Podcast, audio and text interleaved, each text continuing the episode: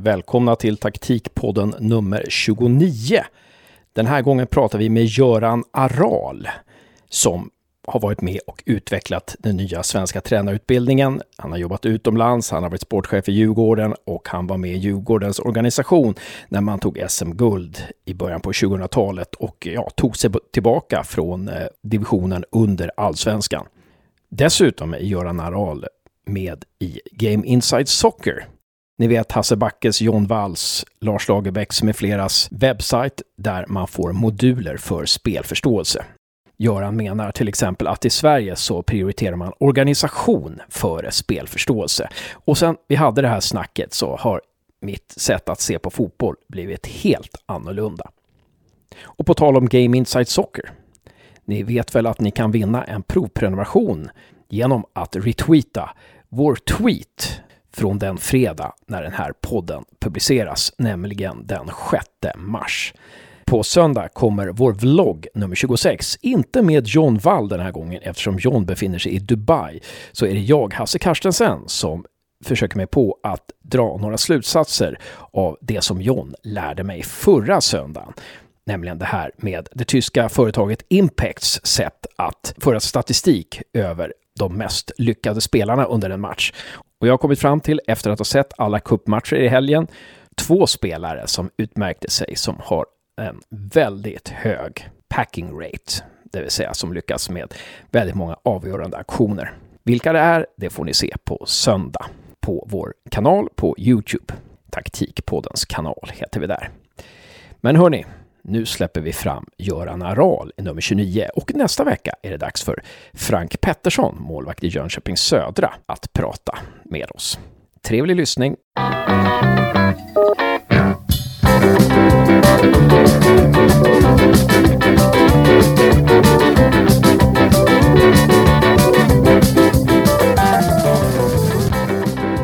Välkommen till Taktikpodden Göran Aral. Vad kul att prata med dig. Tackar, tackar. Och välkommen Josef. Härligt att du är med idag igen. Tack så mycket om man ska presentera dig Göran så, alltså, jag skulle kunna sitta några timmar och räkna upp allting du har gjort. Men så du har varit fotbollsspelare i Djurgården, du har varit med i ledningen i Djurgården och vad jag förstår så var du med intill Bosse Lundqvist då när Djurgården tog sig tillbaka till allsvenskan i början på 2000-talet och sen vann SM-guld. Sen kom du tillbaka i Djurgården och var sportchef där. Och sen så gick du ifrån Djurgården till Svenska Fotbollförbundet i början på 2000-talet och utvecklade då den nya tränarutbildningen. Och det vill vi verkligen prata om i Taktikpodden. Eh, och sen så dessutom är det ju intressant att du har varit coach i New York Red Bull tillsammans med Hasse Backe. Och nu driver du dessutom Game Insight Soccer och fotbollssajten tillsammans med Hasse Backe, Lars Lagerbäck, John Wall och några till. Och Sen så såg jag att du är delägare i ett utbildningsföretag också. Så att utbildning är egentligen din grej, eller? Ja, mycket. Jag har alltid varit eh, intresserad och blivit fångad av hur, eh, hur man tar steget från att ha någon kunskap och sen, och sen liksom eh, på olika sätt hitta vägar till att lära andra, i det här fallet ofta spelare då naturligtvis. Eh, så att det är fascinerande och sen är det också ett annat ord som jag styrs väldigt mycket av och det är utveckling. Att jag är blir väldigt fascinerad över um, människor som hittar nya vägar och, och, och, det tilltalar mig väldigt mycket att uh, inte sitta kvar i samma sits och göra om saker ständigt och, och sådär utan att uh, på olika sätt kunna se nästa steg och, och, och utveckla det, så att säga, både spelare, lag, förening och, och sådär mot uh, någonting som kan vara än mer gynnsamt. Då, då. Så att, eh, ja, det är två, två ledord för mig. Just det. Du ger ju kurser också i det här med spelförståelse. Jag såg att du hade haft en kurs där rubriken var Vägen mot ökad spelförståelse där spelarna involveras direkt. Eh, det tyckte jag lät väldigt intressant. Eh, skulle du kunna utveckla det någonting? Hur, hur du menar med det? det? Det här har varit en ganska så lång process efter många år plötsligt så blev det lite uppenbart för mig hur, eh, hur vi har glömt bort eh, det mest grundläggande i egentligen alla lagspel, det vill säga att förstå spelet. Som ofta så, så är vi väldigt snabba på att hitta snabbfixlösningar med våra lag. Va? Vi, vi, vi är väldigt snabba. Det är taktik eller det är nya övningar. Det är det, är det senaste. Och i mina ögon så glömmer man bort det mest fundamentala som ligger egentligen som en grundplattform för all utveckling av spelarna och det är att förstå spelet vilket också får konsekvenser såsom att kunna läsa spelet, att kunna förutse vad som ska hända i nästa moment och, och, och så. Va? Här är vi också väldigt snabba med att organisera vårt spel och då blir det det blir väldigt mekaniskt. Eh, spelarna får till sig, du ska göra så här. Jag vill få spelarna att, att börja upptäcka själva vad de ska göra. Och, och jämför jag sen eh, den erfarenhet jag har i Sverige mot att jag också har varit ganska mycket utomlands och, och, och sett eh, de, de, stora akademierna hur de utbildar spelare och sånt där. Så ligger vi klart efter i, i just att eh, kunna lära ut spelförståelse. Där, där man i Holland, Frankrike, Spanien, eh, Portugal är väldigt, väldigt måna om att tidigt arbeta med att få spelarna eh, och ge dem en ökad kunskap i, i, i att börja förstå spelet. Varför tror du att det är så i Sverige att vi, vi prioriterar organisation före spelförståelse? Eh, ja, alltså vi har väl en tradition utav det. Egentligen om vi blickar tillbaka eh, kanske till och med till 70-talet och jag spelade och Bob Houghton kom till, till Sverige och, och, att organisera spelet blev en, en framgångsfaktor. Alltså eh, där organisationen var så minutiös så att, så att eh, sämre spelare kunde manövrera ut så att säga bättre spelare eller bättre lag. Då, då. Och det där har ju blivit en, ett sätt för oss i, i eh, Skandinavien kan man väl säga då, då eh, att försöka hävda oss internationellt och, och, det måste man ju också säga att det har varit framgångsrikt då under slutet på 70-talet och under 80-talet med IFK Göteborg och, och som vinner då stora Europaframgångar och, och sånt där. Även Malmö FF som har gjort det. Då. Jag har ingenting emot att, att organisera spelet och, och, och göra det. Jag vill bara att, uh, att, att det inte blir en rigid liksom idag eh, sätt att, att organisera utan att det också är utifrån uh, spelarnas, spelarnas så att säga, sätt att förstå saker och ting, på vad som sker på plan. Eh, vilket oftast innebär att du inte kanske helt måste slaviskt följa det organiserade mönstret utan du kan göra avkall på det. Därför att om en spelare till exempel i motståndarlaget ständigt får bollen och, och som är väldigt duktig och, och eh, vi har svårt att liksom eh, hantera det eh, i det organiserade mönstret så, så anser jag att, att vi måste kunna läsa spelet så pass att vi måste ta bort den spelaren. Och, och, det, kan ge, och det innebär att vi ger avkall på organisationen. Alltså att, att få spelarna att förstå vad som ska hända och få dem att agera utifrån det. Hur har kommersialiseringen påverkat organisationen? Om jag tänker efter så här då, så kan jag ju se en, en för ett antal år sedan kan man säga, nu, nu har jag inte hundra koll på om jag säger rätt här, men låt oss säga för 15 år sedan var Italien eh, kanske det land och, och, den klubbfotboll som dominerade i, i Europa. Eh, och sen så händer det någonting och så kommer ett annat land upp. Och, och, och, men hela tiden så kan man väl säga att den, den styrande faktorn är ju naturligtvis ekonomin. För att eh, någonstans så kan du ju då köpa det till framgångar. Och, och, man kan väl bara liksom spegla det med Manchester City så här nu. Eh, så att säga vad som händer med dem nu då. Eh, där pengarna egentligen slussas in egentligen från en person fast det inte är, är tillåtet. Och så att säga. Där ekonomin har sån enorm betydelse. Då, så att, eh, kommersialiseringen är ett, ett eh, nödvändigt ont, alltså, det är det och, och de som har mest pengar blir, blir också framgångsrika. Där ska man ju kunna spinna lite i Sverige i allsvenskan så otroligt jämn. Så det, och det är otroligt stor mm. skillnad på att åka ur och att inte åka ur. Jag menar Barcelona, mm. de kommer ju aldrig åka ur eh, La Liga. så att de kanske kan, nej, de kanske kan spela sin fotboll. Medan eh, mm. medans, eh, Gävle då som var uppe, som hankade sig kvar 12-13 år i rad. De, de eh, mm. ja, de gjorde det på grund av en organisation. Liksom. Eh, jag vet inte om vi kan spinna någonting på det, men... men ja, jo, ja. ja. Men, men jag tänkte så här, organisation och eh, det här som du pratar om, organisation och spelförståelse. Kan, kan man tänka sig att det är betydligt allvarligare när akademierna i Sverige, när barn och ungdomsfotbollen, när de börjar sätta organisationen före för, äh, spelförståelsen. För att, jag menar, proffsen, de stora, alltså de spelare som är över 20 och som är spelare högst upp, de ska väl antagligen ha lärt sig spelförståelse, eller hur ser du på det?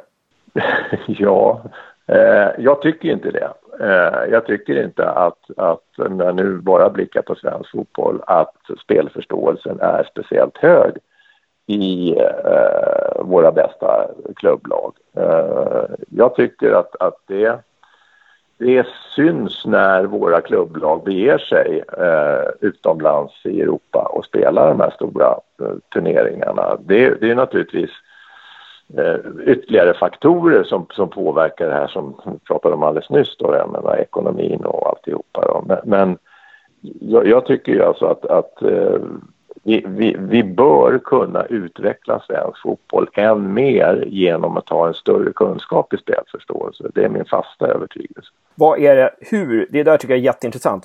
Hur ser du då att det brister i spelförståelsen hos de svenska klubbarna? Kan, man, kan du gärna, utan att nämna någon tränare eller lag eller spelare, så, ja, ja, så, så, ja. så liksom, vilka moment tycker du att det brister?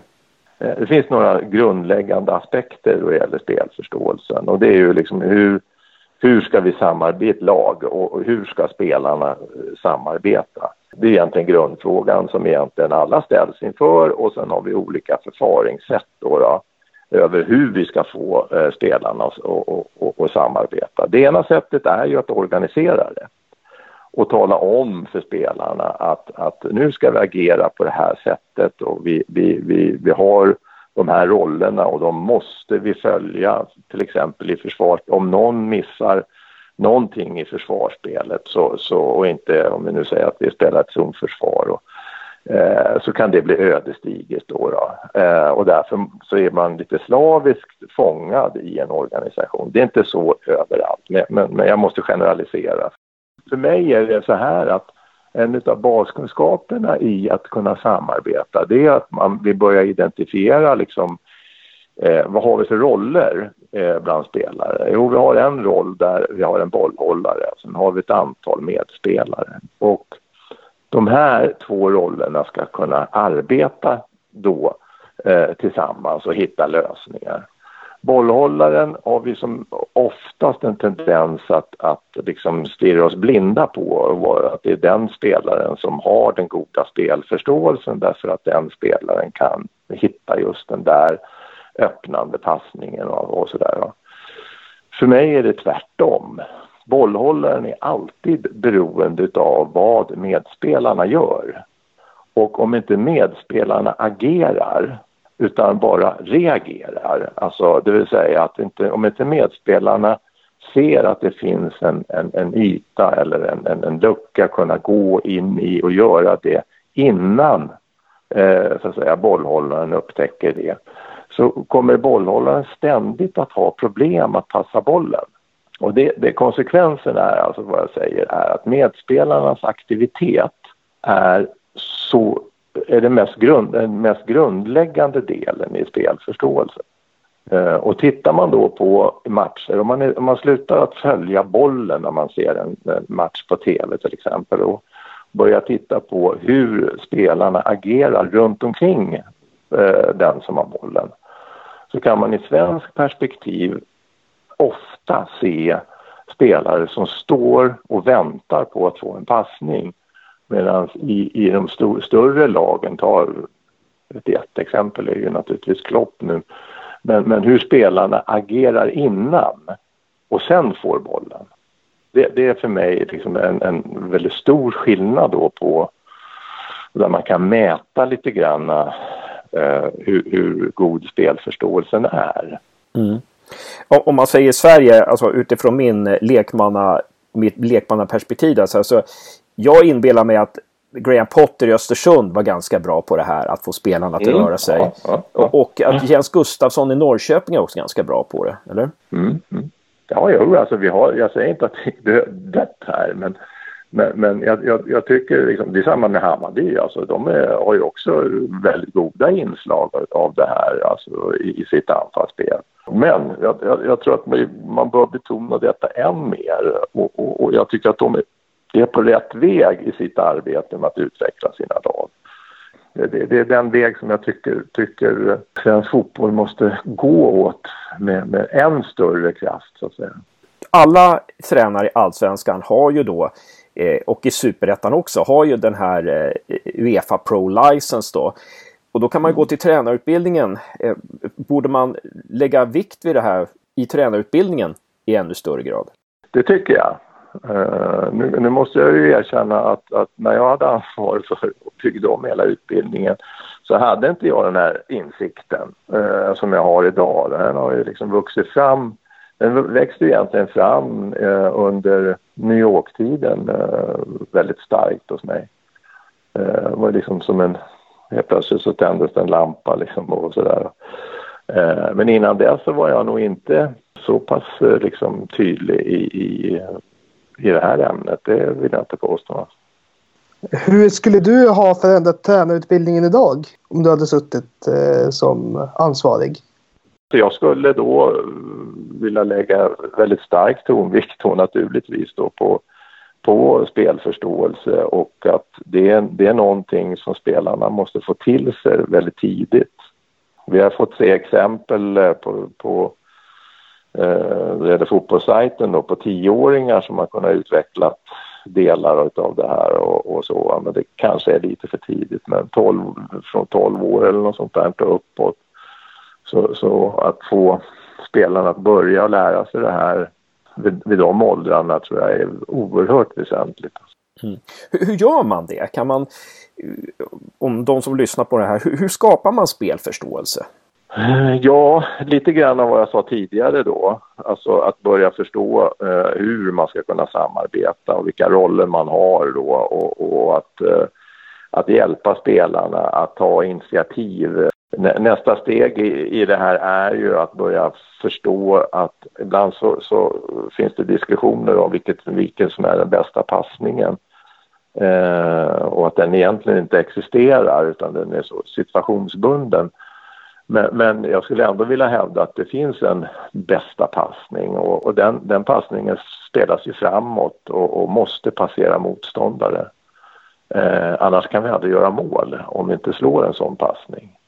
Och sen ska ju då läggas till då att vi, den som eh, tar emot den måste också kunna behålla den passningen naturligtvis annars är det inget, eh, har vi ingenting för, för så att, säga, att slå en, en sån passning.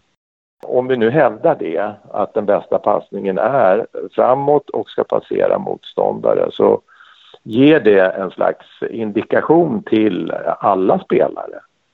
Att finns det en möjlighet att, att slå den passningen eller finns det, har vi, har vi nu eh, som medspelare intagit en sån position så att den passningen är möjlig, då, då liksom är det någonting som de övriga spelarna måste börja stödja och börja se att den där passningen kommer nu och hur ska jag kunna hjälpa den spelaren? Det är nästa moment då. och sen kommer nästa moment, det vill säga det, hela tiden så är det väldigt, väldigt liksom eh, en förmåga att kunna liksom läsa då spelet. Vad är det som händer? Och hur kan jag agera för att, eh, så att säga, stödja den händelsen? Just det. På, på, på, Game Insight Soccer och på fotbollssajten så har ni moduler för mm. spelförståelse. Ja, det ja. kanske är en bra grund för, för blivande tränare och eh, eh, aktiva tränare att gå in där och, och ta del av de modulerna, eller? Ja, det har ju varit min ambition när jag startade upp det här. Att, att eh, hur ska man på olika sätt då kunna eh, visualisera eh, spelförståelse? Och för mig blev det ju då att visa de bästa spelarna så här gör de.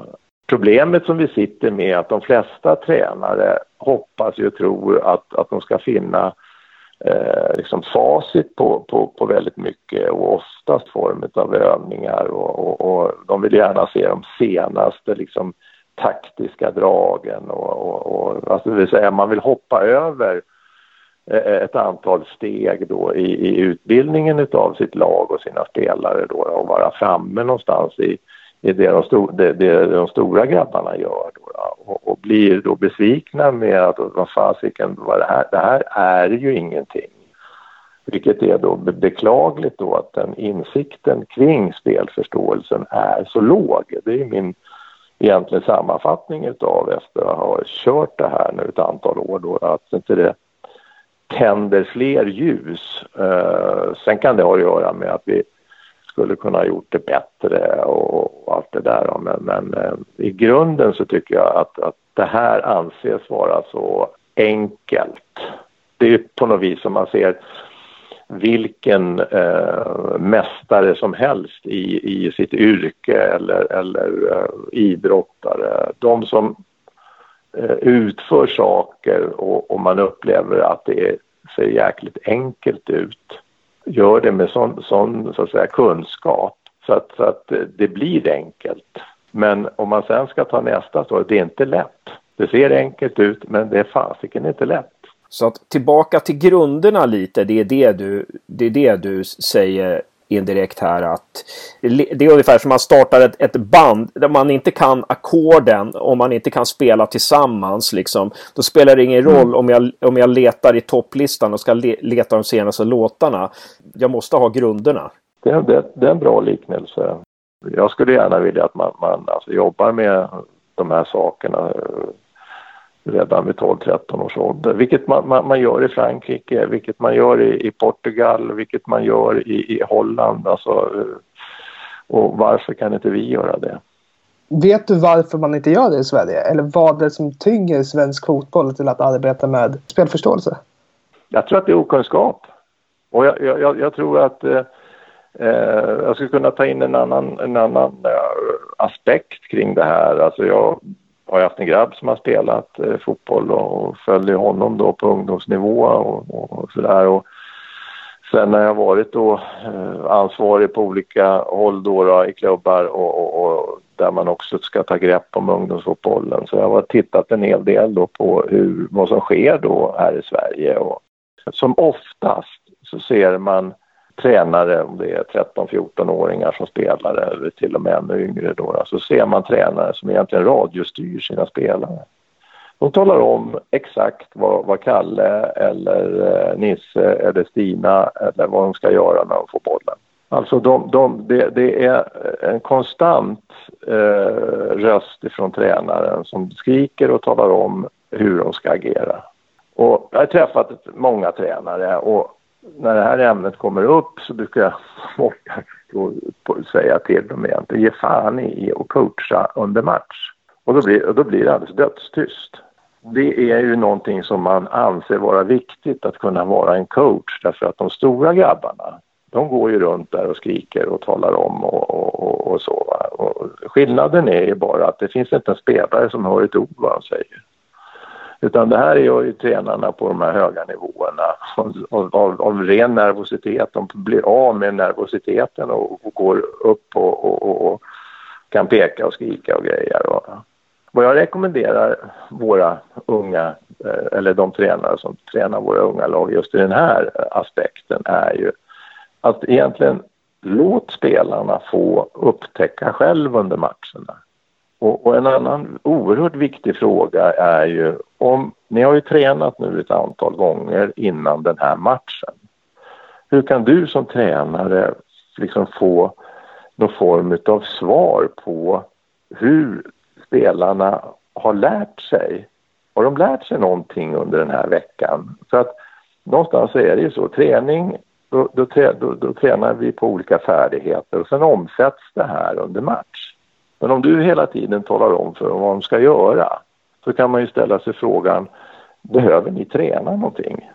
Så att spelarna kan hamna ju liksom i en situation där Där, där förhoppningen på något vis är ju att de kan, kan utföra det de har tränat på under match. Det, det troliga är att spelarna har inte lärt sig speciellt mycket under träningarna. Då, då blir det ett viktigt, viktigt svar för dig som tränare att du måste vara än bättre då på att få spelarna att förstå spelet.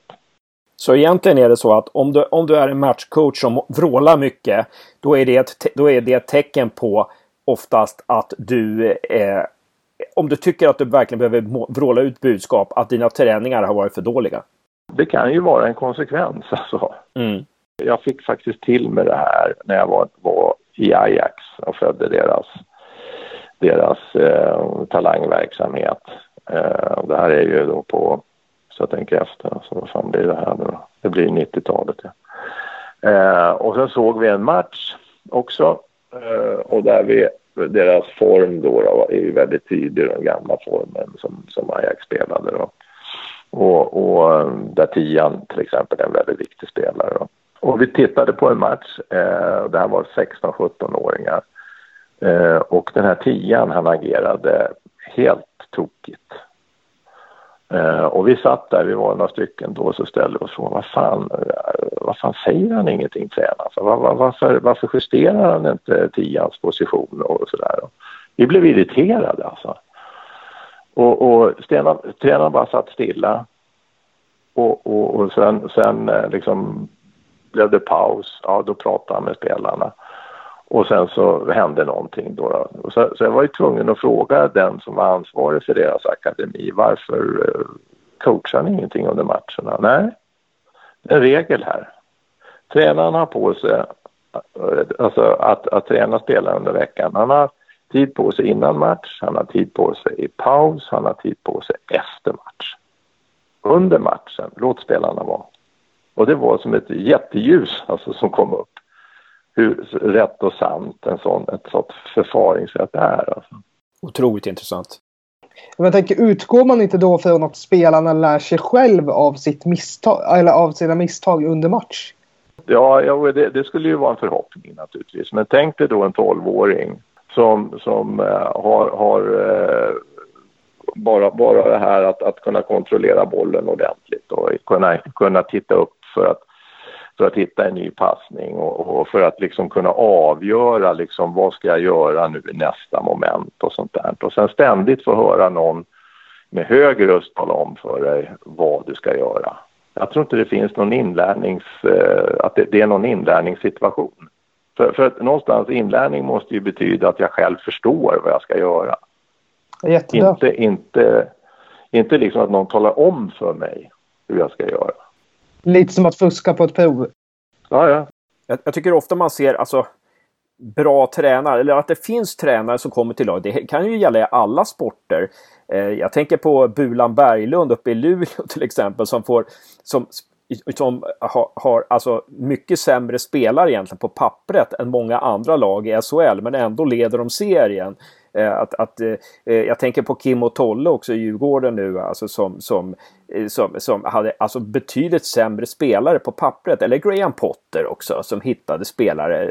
Ja, Kim, alltså, Ken Sema, helt plötsligt blev han landslagsspelare. herregud, det var ju bara något år innan jag såg honom i Ljungskile. Då var han ju inte bättre än Johan ja, Bertilsson. Ja. Liksom. alltså, och, och, alltså den kvaliteten, det, alltså, det måste ju vara vad är det de tränarna gör rätt? Liksom? Jag, kan nog, jag kan nog bara ta, jag vill ge ett exempel eh, på det. Därför att det finns den här typen av tränare. Eh, Tommy Söderberg är en sån. Eh, jag har jobbat ihop med Tommy Söderberg i Djurgården och, och, och verkligen eh, och känner honom sen som, som kompis och sådär. Eh, det är Tommys styrka för att liksom försöka spegla det här var ju inte, var ju inte liksom eh, det fotbollsteoretiska utan eh, Tommys styrka var ju att arbeta med gruppen. Och, och, och, och, och gav då utrymme åt spelarna. Sen så kan han och kunde oerhört mycket fotboll men, men hans approach handlade mer om att komma nära spelarna och få dem att bli trygga som, som spelare. Och, och, när spelarna, eller när varje människa blir trygg, då, då blir det ju också, då, då är inlärningsprocessen mycket enklare. Har du spelare som är, inte är trygga, som är rädda, då har du ju ett större problem med inlärningsprocessen. Så att där tror utan att jag har någon aning om hur Bulan, vad det är för människa eller, eller sådär, så, så kan jag då kan, jag kan, jag, det är åtminstone min erfarenhet ja, utav ja. och verkligen ha sett det och, och, och sådär. Ja. sen så, jag, menar, jag läste om det några hemska tränare i NHL då, då som, som eh, skrämmer folk och, och, och sådär. Ja, det kan du liksom göra under till, till, en viss grad, men jag tror inte att du lyckas hela vägen med det. Ja, just det. Och, och där är vi åter tillbaka till det här med, med förståelse och organisation, det som vi pratade om i början. Mm. Alltså, är, är, har du en tränare som är så otroligt inne i det här med organisation så eh, och vill liksom styra spelarna som att de är marionettdockor, då blir det väldigt svårt att utveckla spelarna. Medan ja, får spelarna spelförståelse, då är det en förståelse som, som, som de kan använda senare i sin karriär på fler situationer och sådär. Ja, ja visst. Alltså, det är ju, det är ju, man ska kunna göra jämförelser med, med, med när det gäller spelförståelse. Man blir alltid förundrad över när lite äldre spelare är kvar i ett lag. Och de står ta med fan alltid rätt. Alltså. Ja. Det är så oftast mittbackar som är, som är kvar då, då som är över 30 och, och håller fortfarande. Och, eh, kan vara mittfältare också som, som liksom på något vis utan att det ser något märkvärdigt ut så befinner de sig alltid på rätt ställe. Eh, de, de, de kan slå liksom rätt pass eh, och, och, och, man blir bara förundrad över att, att det kan ske. Så kan man jämföra då med yngre spelare som då inte riktigt liksom har samma blick då för spelet och, och eh, både defensivt och offensivt. Då, då. Och, och, och det här det säger ju mig att erfarenhet är en viktig aspekt. Alltså, jag har varit med om så många matcher, jag har varit med eh, på så många träningar så att jag, jag till 90 procent säkerhet så vet jag att den här bollen kommer att hamna här. Därför att situationen ser ut så här och jag har sett den så pass många gånger. Och det är ju någonting som jag skulle vilja liksom få in i, i liksom begreppet spelförståelse. Att, att vad är erfarenhet? Jo, jag har sett saker eh, ske på, på, på det här sättet ett antal gånger. Och då blir nästa fråga då, hur kan man lära unga spelare det? Eh, det blir ju svårare naturligtvis, va? Men, men, men det är att börja sätta igång den processen tidigare där de får reflektera över vad som sker. Vad, vad är det som händer nu? Det här blev det tokigt när jag gick dit, men då gick jag dit så blev det bra. Det vill säga att fylla på någon form av förråd utav, utav erfarenheter. Jätteroligt att prata med dig Göran och hoppas vi kan återkomma till dig i framtiden. Det går så bra så. Tack själva! Och tack Josef! Och tack själv Hasse och tack Göran!